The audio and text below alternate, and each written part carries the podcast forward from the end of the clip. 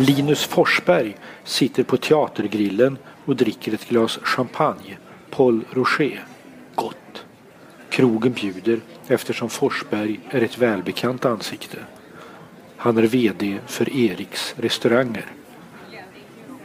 Det konstiga är att Forsberg om en stund säger att han vet hur 50 000 nyanlända flyktingar ska kunna försörja sig. I dess helhet så kommer det inom bara alltså helt nya, men alltså det är många som lämnar branschen för de eh, går vidare med studier eller byter bransch. Så att, eh, men på de närmsta fyra åren, om jag inte missminner så är det 50 000 nya jobb som kommer behövas. kan ni ta alla flyktingarna som kom då? Ja, lätt. Det är tisdag kväll i december. Ingen snö. Mörkt och trist. En kväll som lätt blir en död punkt i livet. Men inte här. Teatergrillen fylls av gäster. Till höger placerar sig en grupp storögda damer med en herre i mitten. Konferensresa. Mannen ser ut att vara chefen. Bakom mig sitter två karar. De arbetar i branschen misstänker Forsberg. De är här för att spana på Teatergrillens service. Runt oss är påfallande många damsällskap, tjejgäng, som är ute efter arbetet mitt i veckan. Jag har bett Forsberg förklara varför restaurangbranschen exploderat i Stockholm. Ja, det var en bra fråga. För att vi eh, har från eh, de som är födda 50-talet, 60-talet reste mycket och eh, blev nyfikna, inspirerade av andra kulturer. Och därav så tror jag också vi, vi fick ett behov, eh, eller skapade ett behov av att eh, äta och dricka som man gör i andra länder. Han tar upp en Mont Blanc-penna ur innerfickan. En present från arbetsgivaren Erik Lallerstedt i efternamn. På 80-talet fanns ett fåtal lyxkrogar, säger Forsberg. Han skriver i mitt block. Eriks, Edsbacka krog, Operakällaren, Paul och Norbert, Coq Blanc, KB. Nej förresten, han stryker det namnet. Vedholms fisk, Franska matsalen på Grand. Företagens representation stod för finkrogarnas omsättning, säger Forsberg. Franska matsalen stängde på helgerna för det lönade sig inte med privatpersoner som gäster. Jag har märkt att privatpersonerna går ut mera vilken dag som helst i veckan. För inte allt för länge sedan så var det att lördagar var inte så jättebra då om det var på lite fina restauranger. Jag kommer ihåg att en av stans bästa restauranger hade stängt lördagarna för att det var för dåligt att göra. Vi har till exempel, eh, om man ser hur det var på nyårsafton, midsommarafton för inte heller så många år sedan. Det var millennieskiftet som eh, satte fart på nyår ordentligt. Och då är det uteslutande privatpersoner. Och nu eh, efter millennieskiftet så tror jag vi har haft, vi är fullbokade nästan ett år innan. Servitören seglar upp vid vårt bord. Forsberg ber honom välja ett lämpligt vin till gösen, 380 kronor. Det blir ett glas Estancia Chardonnay, 130 kronor. Jag skriver priserna för att de illustrerar vilka pengar som är i omlopp i Stockholm. Explosionen av krogar handlar inte om pizzerian Neapel eller Kinaglufset Shanghai. Forsberg lutar sig över blocket för att skriva ner dagens lyxkrogar i Stockholm. Oaxen, Franzén, Esperanto, Ekstedt. Han skriver och skriver och skriver. Det finns minst 50 riktigt bra krogar, säger han. Minst. Skillnaden mot hur det såg ut för några år sedan är ofantlig. På dessa restauranger kostar en huvudrätt normalt 300-350 kronor. Och den som går dit utan att ha reserverat bord kommer nog inte in. Detta gäller centrum med enstaka stjärnskott ute i de mörka förorterna.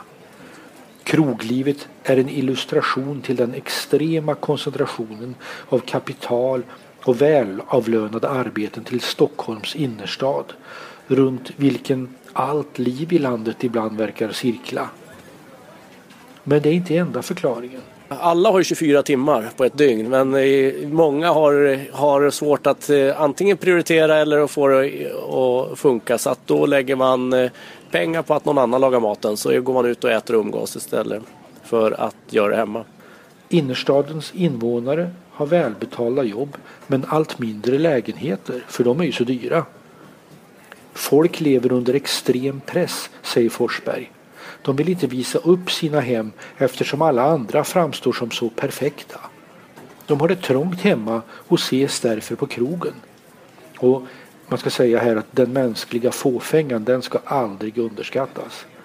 När Erik Lallerstedt drev restaurang i Gamla stan hade han en förrätt på kaviar för 450 kronor. Ingen ville ha den. Erik höjde priset till 850 kronor. Alla ville ha den. Och det finns fler förklaringar. Allt fler företagare med kontoret på fickan som träffar affärsbekanta på restaurang. Och nätdating. Forskning visar att de flesta träffade sin partner genom familjen på 1940-talet. Sen blev det genom vänner man träffade sin partner. Och nu visar undersökningar att den största arenan för att möta en partner är nätdating. 23 procent enligt en SIFO-undersökning år 2010. Mikael Josander, VD för företaget Mötesplatsen, beräknar att minst 500 000 svenskar är registrerade på dejtingsajter. Det blir många möten som till en början ska ske på neutral men festlig mark. En stor, stor del av våra gäster på gondolen har gjort upp om att träffas på nätet, säger Linus Forsberg. Han tar en chokladterrin till efterrätt, 140 kronor. Restaurangbranschen har de senaste tio åren fördubblat sin omsättning i Stockholm.